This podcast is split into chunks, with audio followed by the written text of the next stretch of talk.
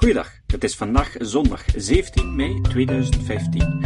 Ik ben Jozef van Giel en dit is de 231ste aflevering van deze podcast. In Leuven gingen de voorbije weken docfilm. Twee weken geleden werd de film An Honest Liar getoond over het leven van James Randi. En zo'n gelegenheid kan een goede scepticus toch niet laten liggen. Hè? Na de film was er ook een gesprek.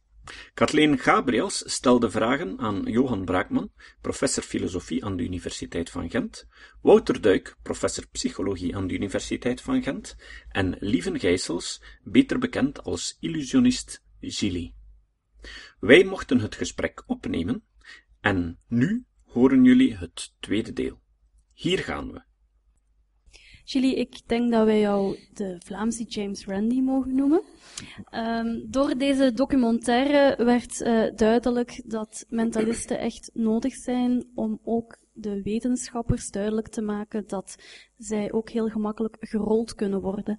Als je dan die beelden zag van Project Alpha, hoe dat James Randi met die twee mentalisten um, ja, die wetenschappers eigenlijk voor schut zetten, wat zou je die wetenschappers voor tips meegeven? Hoe zou je hen uh, begeleiden om hen een volgende keer niet meer te laten rollen? ik denk dat, dat dat eigenlijk een vraag is voor jullie, maar, wat, wat, ik denk uh, aan wetenschap, ja, dat zijn hele slimme mensen die iets gaan onderzoeken en er is iemand die, die dus uh, een stilo op tafel kan leggen, zich concentreren en die stilo begint te bewegen. Hij komt er niet aan, dus het zal waarschijnlijk met stralingen zijn, of alfagolven, of beta, of theta, of weet ik qua wat er allemaal bestaat. En die gasten beginnen allemaal te kijken van hoe kun je dat inderdaad met met die beschikbare materie waar zij over beschikken, hoe kun je dat doen? En, en op die manier worden ze inderdaad compleet verkeerde pad opgestuurd, omdat ze eigenlijk de eerste vraag zou moeten zijn, is er een andere manier dan met uh, halfa en allemaal, weet ik wat van gehalven, uh, om dat spel te laten bewegen? Bijvoorbeeld een draadje of zo. En die vraag stellen ze niet. Of een magneet. Of een magneet bijvoorbeeld. Um... En dat is inderdaad die alternatieve methode waar de regisseur op wees van. Het zou moeten een taak zijn van een wetenschapper om inderdaad eerst een alternatieve hypothese, of een, een alternatieve verklaring die de hypothese ontkracht, om daarmee op de proppen te komen. En sowieso, als, eh, als gouden raad, als je zo'n experiment wilt doen, bel naar mij of een collega. Want ja, we zien het komen van een uur ver, terwijl dat wetenschappers op andere dingen letten, niet, niet op, op, op die dingen. Randy heeft daar ook voortdurend op gehamerd dat je voor dit soort dingen, je moet er een mentalist of illusionist bij halen. Anders ga je iemand als Uri Geller niet, uh, niet betrappen. Hè. Dus daar moet je echt uh, getraind in zijn. Nu, de regisseur heeft er net ook op gewezen, die twee die uh, Geller in Stanford hebben onderzocht, ja, ik zou dat niet echt geschoolde, grondige, getrainde wetenschappers noemen. Enfin, ze, ze, hebben wel een opleiding gevolgd, maar dat op zich zegt, toch, zegt dus nog niet zoveel. Russell en Tark heten ze zeker. Um, Randy heeft er zelf een artikel over geschreven, staat in zijn boek Flimflam. En dat, uh, dat, de titel van dat artikel is The Laurel and Hardy of Psi. dus uh, ja, psi is buitenzintuigelijke waarneming. Dat, dat, dat zegt al behoorlijk veel. Maar daarnaast is het wel ook zo dat wetenschappers in het algemeen ja, geneigd zijn natuurlijk om mensen te goeder trouw te nemen. Ze gaan er niet vanuit dat, dat, dat mensen jou intentioneel bij je onderzoek gaan bedriegen of beliegen. Bovendien is het ook zo dat, dat bijvoorbeeld een fysicus, zeg maar wat, dat, dat zijn fysici die die mensen onderzoeken en die dan inderdaad op zoek gaan naar welke stralingen worden hier gebeurd. Maar die weten over het algemeen niet veel van bijvoorbeeld waarnemingspsychologie. Die weten niet hoe traag het oog is. Hè. Een, uh, iemand als Chili weet dat wel uit, uit eigen ervaring en de praktijk. En, en ja, psychologen die daarin geschoold zijn, kunnen dat uh, exact zeggen hoe traag het oog is enzovoort. Maar de doorsnee fysicus of de doorsnee chemicus uh, of de doorsnee arts weet dat niet. Eigenlijk zou zo'n een, een cursusje ja, kritisch denken, waarin al die dingen aan bod komen, dat zou niet meer staan voor wetenschappers in het algemeen. Want, laatste puntje, wetenschappers zijn natuurlijk ook, gemiddeld genomen, ja, soms wat arrogant. Hè? Niet, niet per se individuele wensen, maar, maar als groep, want zij denken vaak, ja, we zullen wij het wel weten, uh, wij zijn getraind, wij hebben een doctoraat, uh, wij worden niet zomaar bedrogen, wij, wij weten wel hoe het moet. En ze kijken soms zelfs neer, Randy heeft dat vaak moeten ondervinden, als iemand suggereert om er iemand als Randy bij te halen. Wat niet bijvoorbeeld in de documentaire zit, maar dat is e- ook een van de hoogtepunten van Randy zijn carrière, is de hele zaak rond Benveniste, met, uh, rond homeopathie. Benveniste, Frans wetenschapper, had een artikel in Nature gepubliceerd waar, waaruit zou blijken dat homeopathie werkt. En dan heeft Nature zelf een team samengesteld om in het labo van Benveniste te onderzoeken, ja, uh, is daar niet iets gebeurd dat, dat toch niet zo per se wetenschappelijk was, enzovoort. En Randy was een van de leden van, van dat team.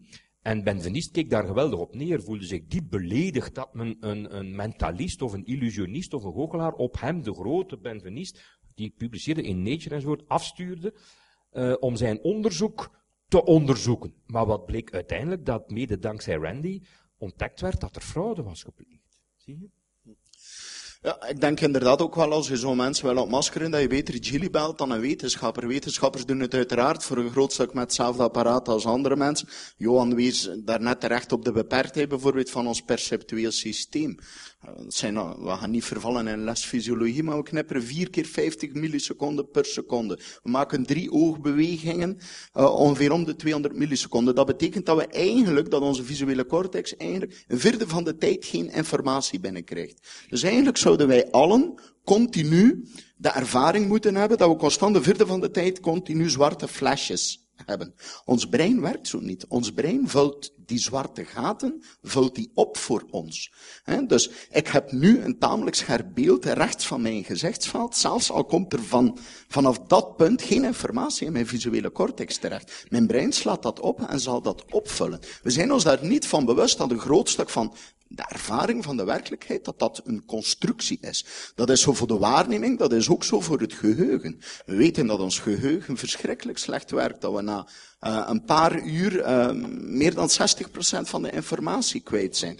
Er zijn experimenten gebeurd waarin je mensen schijnbaar uh, onopvallend een foto laat rondslingeren van henzelf, gefotoshopt op een tank samen met een klasfoto, dus men steekt er wat echte gezichten in. En dan een uurtje later in het gesprek vraagt men hen naar die schoolreis, naar de legerkazerne van. En dan kunnen mensen perfect beginnen vertellen over die fantastische schoolreis. Ook getest op mensen heeft daar ooit een fantastische demo van gegeven. Moet je eens googlen. Ik denk dat het heette Ons Geheugen op de Rooster, waar exact uh, dit experiment gebeurde. Uh, dus onze perceptie is feilbaar, ons geheugen is feilbaar. Resolutionisten maken daar natuurlijk perfect gebruik van. We kunnen niet naar twee pla plaatsen uh, tegelijk kijken. Maken nu illusionisten handig gebruik van. Ze leiden de aandacht af. Ondertussen gebeurt er iets buiten het gezichtsveld dat je gezien hebt, of dat je niet gezien hebt liever. En wetenschappers zijn daar inderdaad heus niet zoveel minder vatbaar voor um, dan niet-wetenschappers. Maar in de tijd van het, uh, het zesde zintuig, de VTM-reeks, door de Star Academie voor Helderzienden, hadden ze, um, de Nederlandse versie was eerst uitgezonden en daar hadden ze een onafhankelijke beoordelaar voor de proeven. Zinde, een maat van mij, een mentalist. En um, ik had hem dan gebeld van, hoe was dat? Want ja, kon dat toch niet van, ja, ik moest redelijk braaf zijn, mocht er nu en dan maar algemene uitleg geven, maar hij mocht er niet veel dieper op ingaan.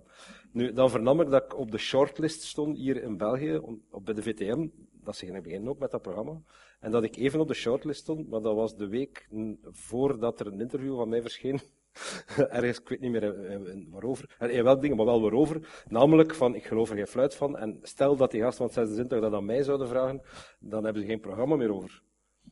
En heb niks meer van gehoord.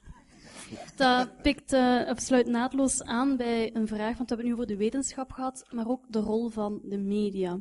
Uh, omdat het blijft veel moeilijker, ik kan mij vergissen, maar ik denk toch dat het klopt uh, om mensen te overtuigen met wetenschappelijke bewijzen. En de media heeft daar ook een heel belangrijke rol in. Ik denk dan aan de vele BV's die gezondheidsconsulent worden of um, die een een of andere chakra diksha gever taal beginnen uh, te praten en dan een forum krijgen. Um, ik denk ook aan die uitzending van Telefact over Uri Geller, waarbij Catherine Moerkerke letterlijk zei dat er uh, wetenschappelijk bewijs is voor zijn paranormale krachten, dus zonder die kritische kanttekening. Dus in die zin vind ik het wel heel positief dat, dat je op de publieke omroep uh, jouw rubriek krijgt bij Café Corsari, want ik heb toch de indruk dat er nog veel werk aan de winkel is. Hè? Wel, daarmee dat, dat, dat negativisme over die reportage is eigenlijk gewoon, als ik, als ik kijk naar de reacties dat ik krijg na elke, na elke rubriek, terwijl dat uiteindelijk, allee, ik, ik denk, probeer zoveel mogelijk echt op de vlakte te blijven en te tonen van, kijk mensen, dat is wat er verteld wordt en dat is wat het is. En blijkbaar worden daar echt, ik weet niet hoeveel mensen mee voor het hoofd gestoten, nog altijd. Omdat, ja, het is, de, de, media kunnen daaraan helpen, maar het is saaier televisie, denk ik, om altijd maar te zeggen, uh, ja, maar dat is niet waar, en dat is bullshit, en dat is gezever. Um, vooral op één. Op Canvas na tien uur zit dat misschien nog mogen dat je een keer hoog van je lat geeft. à la Pen en Teller, die bullshit-reeks bijvoorbeeld. Dat zou, dat zou heel tof zijn. Uh, maar um, uh, naar de media is, is, is, zie je dat continu. Uh, deze week in Koppen was een reportage over hypnose. de openingszin was, hypnose is nu algemeen wetenschappelijk aanvaard. Dat ik dacht van, waarschijnlijk heb ik die een stap gemist als ze dat beslist, beslist hebben, maar ik wist niet dat dat het geval was. Maar dat komt zo in koppen, het, het koppen. Telefax, ja, de, de gaves van Uri Geller zijn ondertussen veelvoudig wetenschappelijk bewezen. En dat is dan een informatief programma. Ja, maar hoe dat je dat moet beginnen oplossen. Maar ik denk inderdaad dat de media daar veel meer kracht hebben, soms dan de wetenschap. Als jullie zijn, zijn schoen omhoog steekt met een, met een magneet aan, dan weten mensen waarom dat rotortje uh, bewogen heeft. Uh, en ze zullen het misschien langer onthouden dan wanneer ze een ingewikkelde uitleg over magnetisme krijgen.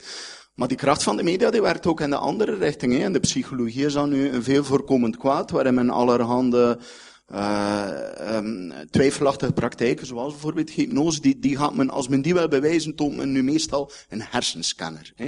En dan toont men een plaatje van de hersenen, hè, en dan, dan ziet men iets oplichten, en dat is dan een bewijs dat hypnose werkt. Dus dat is eigenlijk het equivalent van de witte jas van de dokter. Hè. Er, zijn, er zijn zo van die, van, van, van, die zaken, zoals hersenscanners in een ziekenhuis, die mensen associëren met accuraatheid en betrouwbaarheid, en men maakt dan gebruik van dat aura, hè, inderdaad, om het dan maar op een, uh, op een theorie die niet klopt, uh, om die toe te passen. En dat is ook wel een gevaar van de wetenschap. In de psychologie hebben we ook zo'n geval gehad. Uh, de BEM-experimenten, in een van de toptijdschriften in de psychologie, twee jaar geleden ondertussen, gepubliceerd, denk ik, met een man die inderdaad acht experimenten gepubliceerd had, waarin hij de toekomst kon voorspellen.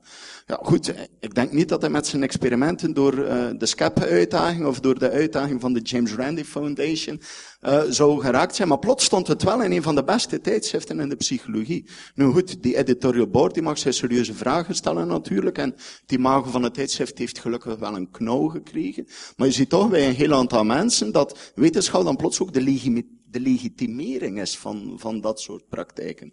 Um, dus dus de, de, de aanschouwelijke methodes die jullie dan gebruikt om dat aanschouwelijk uh, te maken van hoe werkt nu zo'n truc. Uh, soms denk ik dat het eigenlijk uh, beter is om iets te debunken dan een nauwkeurige analyse. De Amerikaanse psycholoog Scott Lilienfeld heeft daar ook onderzoek naar gedaan, waarin hij inderdaad studenten, universiteitsstudenten, probeerde te, te, te overtuigen van het klopt niet dat je maar 10% van je hersenen gebruikt. Het klopt niet dat je links of rechts hemisferisch dominant bent. Hè, dus dat er twee soorten mensen zijn. En wat bleek, hoe meer informatie mensen gaf, hoe meer ze overtuigd raakten van het tegendeel. Hè. Dus soms uh, werkt het ook de andere kant. En de rol van uh, de overheid. Hè? Uh, want uh, het was vandaag weer het Radio 1-programma Houtenkiet heeft er aandacht aan besteed aan een artikel dat in EOS verschenen is. Namelijk dat de overheid pseudowetenschappen mee betaalt via opleidingschecks, want je kan allerhande opleidingen volgen die dan mede betaald worden door de overheid, zoals gezondheidsconsulent, bachbloesemtherapeut, kruiden- en volksgeneeskunde, maar ook de opleiding handoplegging van de essenen, de kracht van helende handen en craniosacraaltherapie. Uh, ook opleidingen die uh, in opspraak zijn gekomen, um, namelijk omdat ze bijvoorbeeld emotionele conflicten uh, aan de basis van kanker leggen en zo. Um, maar dus die opleidingen kan je volgen uh, met die opleidingschecks van de overheid. Moet die overheid daar niet veel strenger tegen optreden? En zo ja, hoe kunnen ze dat? In, in het domein van de psychologie uh, vast en zeker. Hè. Ik denk dat het een schande is dat er inderdaad het geld voor de sociale zekerheid wordt schaarser en schaarser. Dat zal er niet beter op worden. We zitten met het hoogste zelfmoordcijfer uh, van alle OESO-landen. Eén Vlaamse man op 37 verschiet niet, zal om het leven komen door zelfmoord. Dus zo hoog uh, is het cijfer echt. Dat is zowat de dubbel van onze omringende landen. En daar heeft natuurlijk een gemakkelijk toegankelijke eerste lijn geestelijke gezondheidszorg veel mee te maken. En dan is het inderdaad, en we merken inderdaad dat er zijn tegenwoordig daadwerkelijk clinical trials, zoals men in de farmacie en in de geneeskundige sector doet, van welke psychotherapie of welk medicijn, uh, als het moet, uh, is nu werkzaam tegen depressie. Dus we weten dat eigenlijk wel tamelijk goed. Maar we zien dat die methoden die de clinical trials doorstaan hebben, dat die nog steeds niet terugbetaald worden en dat je tegelijk inderdaad dingen hebt zoals craniosacrale therapieën en bachbloesems, uh, die dan wel terugbetaald worden. Ik snap echt niet hoe dat komt. Uh, ik denk dat het een zeer goede zaak is dat uh, Magie de Blok, die, die ook de vijs gekregen heeft van SCEP, begrijp ik, dat die ja, toch voor het eerste minister is die daar toch een duidelijke uitspraak durft over doen. Maar er is een zeer lange weg te gaan en ik denk absoluut dat de overheid daar veel selectiever zou moeten in zijn. Ja, misschien aansluitend en nog eens inpikken op het vorige punt ik, ik denk dat we ook natuurlijk uh, ja, meer moeten inspelen op de rol van het onderwijs in dit alles. Uh, en dat kan gerust al in het lager onderwijs. Hè. Je moet daarbij in acht nemen, mensen zijn van nature uit eerder geneigd om bijgelovig te zijn dan om kritisch en rationeel te gaan denken. Bijgeloof komt vanzelf. In, in die zin ben ik ook wat pessimistisch, omdat dat zit zo in onze natuur. We gaan het is spontaan, minder last. Het is minder het last. Is, het, het komt vanzelf, het is makkelijker, we zijn ja, essentialistisch enzovoort. Dus, dus ja, we beginnen dat ook redelijk goed in kaart te brengen. Het, zelfs creationistisch denken komt veel makkelijker vanzelfs dan bijvoorbeeld evolutionair denken. Waarom? Omdat creationisme veel beter aansluit bij onze intuïties. Het is veel intuïtief correcter om te denken dat uw verre, verre, verre, verre voorouders, dat dat mensen waren en dat er dus een eerste mensenpaar moet geweest zijn. Intuïtief klinkt dat zinvoller dan te zeggen dat uw verre, verre, verre voorouders, dat dat bacteriën waren of zo, of eencelligen. Ja, dat, dat klinkt veel onlogischer. Dus de intuïties, reeds bij kinderen, ja, duwen ons eigenlijk al de verkeerde kant uit. Maar, en, en ben ik dan toch weer optimistisch, als je dat van meet af aan kinderen, zodra ze daar een beetje vatbaar voor zijn, uitlegt, dat bijgeloof makkelijk ontstaat, uh, dat het niet is omdat je een zogezegd telepathische ervaring hebt gehad, die iedereen al heeft gehad, dat er echt telepathie bestaat. Je, je leert daar een beetje basisbeginselen aan van kansrekening. Dat, dat klinkt al zeer zwaarwichtig, maar dat is allemaal niet zo moeilijk. Ik heb neefjes en nichtjes en er zit er daar geen één tussen die in parapsychologie gelooft. Dus je kunt hen dat gerust, rustig allemaal uitleggen. Maar ik heb zelf in het lager onderwijs, en ik had op zich geen slecht onderwijs, ik heb daar nooit iets over gehoord, over dat soort dingen. Terwijl dat eigenlijk uitermate spannend is. Dus wat de media betreft, ik denk dat ze zich vergissen, omdat er vaak de redenering wordt gemaakt, ja, uh, we gaan veel meer kijkers lokken met een positieve, een pro-Uri Geller reportage, dan wanneer we wat saaie wetenschappers zijn die bunkers aan het woord laten, die, die komen zeggen dat dat allemaal zever is. Ik denk dat men zich daarin vergist. Je kunt hele spannende programma's maken, waarin het, het wetenschappelijke en redelijke denken toegepast wordt op al die dingen. En dat heeft bovendien nog als een soort bonus dat het denk ik ook uh, moreel aan de juiste kant staat. Ik heb nog een vraag voor jullie, maar ik ga daarna ook het uh, publiek de gelegenheid geven om uh, een vraag te stellen. Um, ja, ik herinner mij, jullie heeft onlangs homeopathie trachten te debunken in Café de Corsari.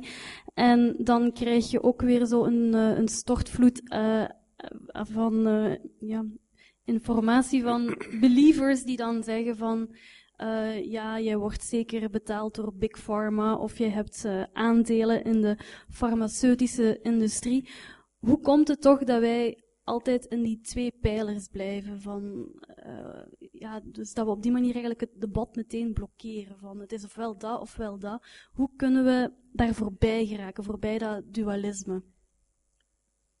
Ja, dat is bijna wetenschapsfilosofische vraag, denk ik. Dus ik denk dat het er eentje eh, is voor Johan. Ik denk dat de manier die we hebben, die, die het best werkt om de wereld te beschrijven en te begrijpen, is de positief wetenschappelijke methode. En de psychologie bijvoorbeeld heeft men die heel lang afgezworen. En nu uh, gaat men ervan uit dat het niet is omdat menselijk gedrag bijvoorbeeld moeilijker te begrijpen is dan de vermenigvuldiging van bacteriën of de ontwikkeling van tumoren in ratten, dat je net van die methode afstand moet doen. Nee, het proces wat je wil begrijpen is complexer. Dus je hebt net meer wetenschap nodig, niet minder. Hè? Uh, maar goed, ik was begonnen met te zeggen dat het eigenlijk een vraag voor Johan was. Maar je, waart, je bent vrij goed bezig, dus uh, ik zou zeggen, doe voort, tenzij dat je nu niet direct nog op iets kunt komen. Uh, Goh ja, kijk, er, er, valt daar zoveel over te zeggen, maar één ding natuurlijk is, kijk, Gilly krijgt, weet ik, negatieve reacties natuurlijk van mensen die in homeopathie geloven. Hè, want die vinden dat bijna beledigend en, en arrogant en weet ik veel wat allemaal. Eh, maar dat zijn natuurlijk mensen die er al in geloven. Die zichzelf daarvan hebben overtuigd dat dat werkt. En zoals ik al zei, het is erg moeilijk om achteraf toe te geven dat je hebt laten misleiden. Bovendien heeft bijna iedereen daar positieve, enfin, niet iedereen, maar velen hebben daar positieve ervaringen mee. Want ze, ze, hebben een verband gelegd tussen de homeopathie en uh, een, een, genezingsproces. Ook al is dat een vals verband. Dat is, voor zichzelf uh, is dat verband daar.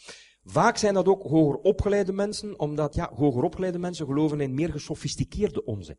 En ze zijn dus beter in het rationaliseren van dat soort dingen. Ze kunnen er bovendien allerlei dingen bijsleuren, zoals uh, het is een natuurlijke manier, het, is, het gaat tegen Big Pharma enzovoort, dat is al aan bod gekomen. Het is dus heel moeilijk om die mensen van dat soort beliefs, ja, om, om hen daarvan af te helpen, omdat ze zichzelf, ik noem dat erg diep in de put hebben ingerationaliseerd. En als je dan Gilly of gelijk wie, uh, als iemand dan uitlegt van ja, je zit in de put, uh, kom, ik zal u de hand uitreiken, ik zal er u uithalen. Nee, het zijn net die mensen natuurlijk die het best in staat zijn om, om wat Chili doet of gelijk wie, om dat te pareren en zo graven ze zichzelf alleen maar dieper in de put. Dus ergens, misschien zijn die mensen eigenlijk verloren.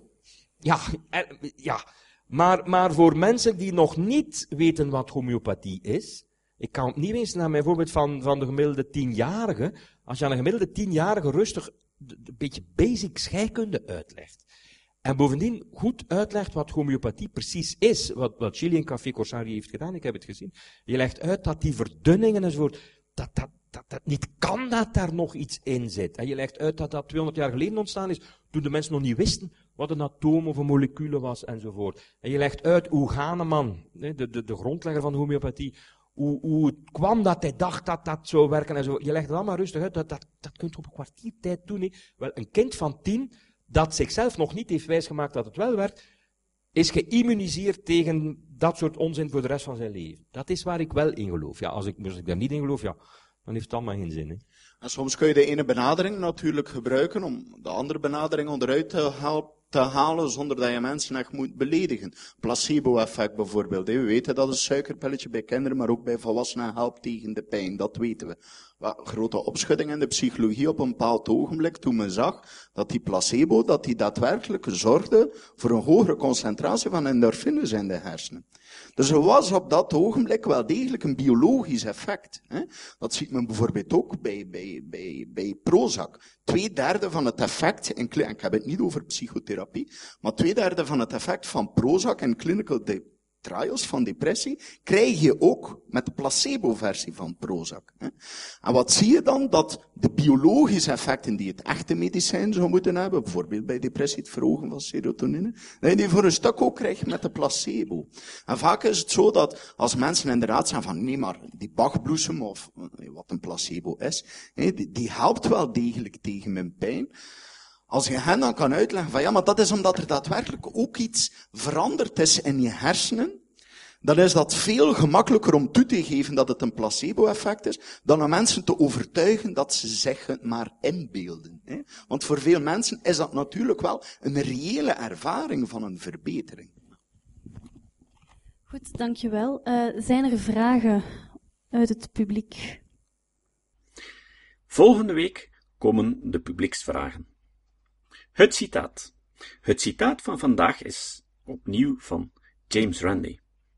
Randi zei: De tweede groep van die 104 mensen die ik onderzocht, waren mensen die nog altijd de ziekte hadden waarvan ze beweerden te zijn genezen. Tot de volgende keer. Deze podcast is het resultaat van het werk van veel mensen. Rick de Laat verbetert bijna al mijn teksten en maakt de meeste vertalingen. Emiel Dingemans verzorgt onze website en Facebookpagina. Ook Leon Korteweg en Stefan Sutens schrijven, vertalen of verbeteren soms artikelen. Leon onderhoudt bovendien het YouTube-kanaal van deze podcast. De muziek van de intro en de trailer heeft Nick Lucassen geschreven en soms maken we ook gebruik van muziek van Ad van Nederpelt, die ons zijn prachtige composities ter beschikking stelt. Dit was de podcast Kritisch Denken. Vergeet niet om alles kritisch te behandelen, ook deze podcast. Voor verdere informatie over deze podcast, links en voor de tekst, surf naar www.kritischdenken.info. Als je deze podcast belangrijk vindt, kun je me steunen door anderen warm te maken ook eens te luisteren. Stuur een e-mail naar vrienden met een link naar de website en plaats de link in de handtekening van je e-mails. Tevens kun je op iTunes deze podcast een beoordeling geven of een recensie schrijven. Of je kan op je eigen website of blog een link naar kritisch denken plaatsen.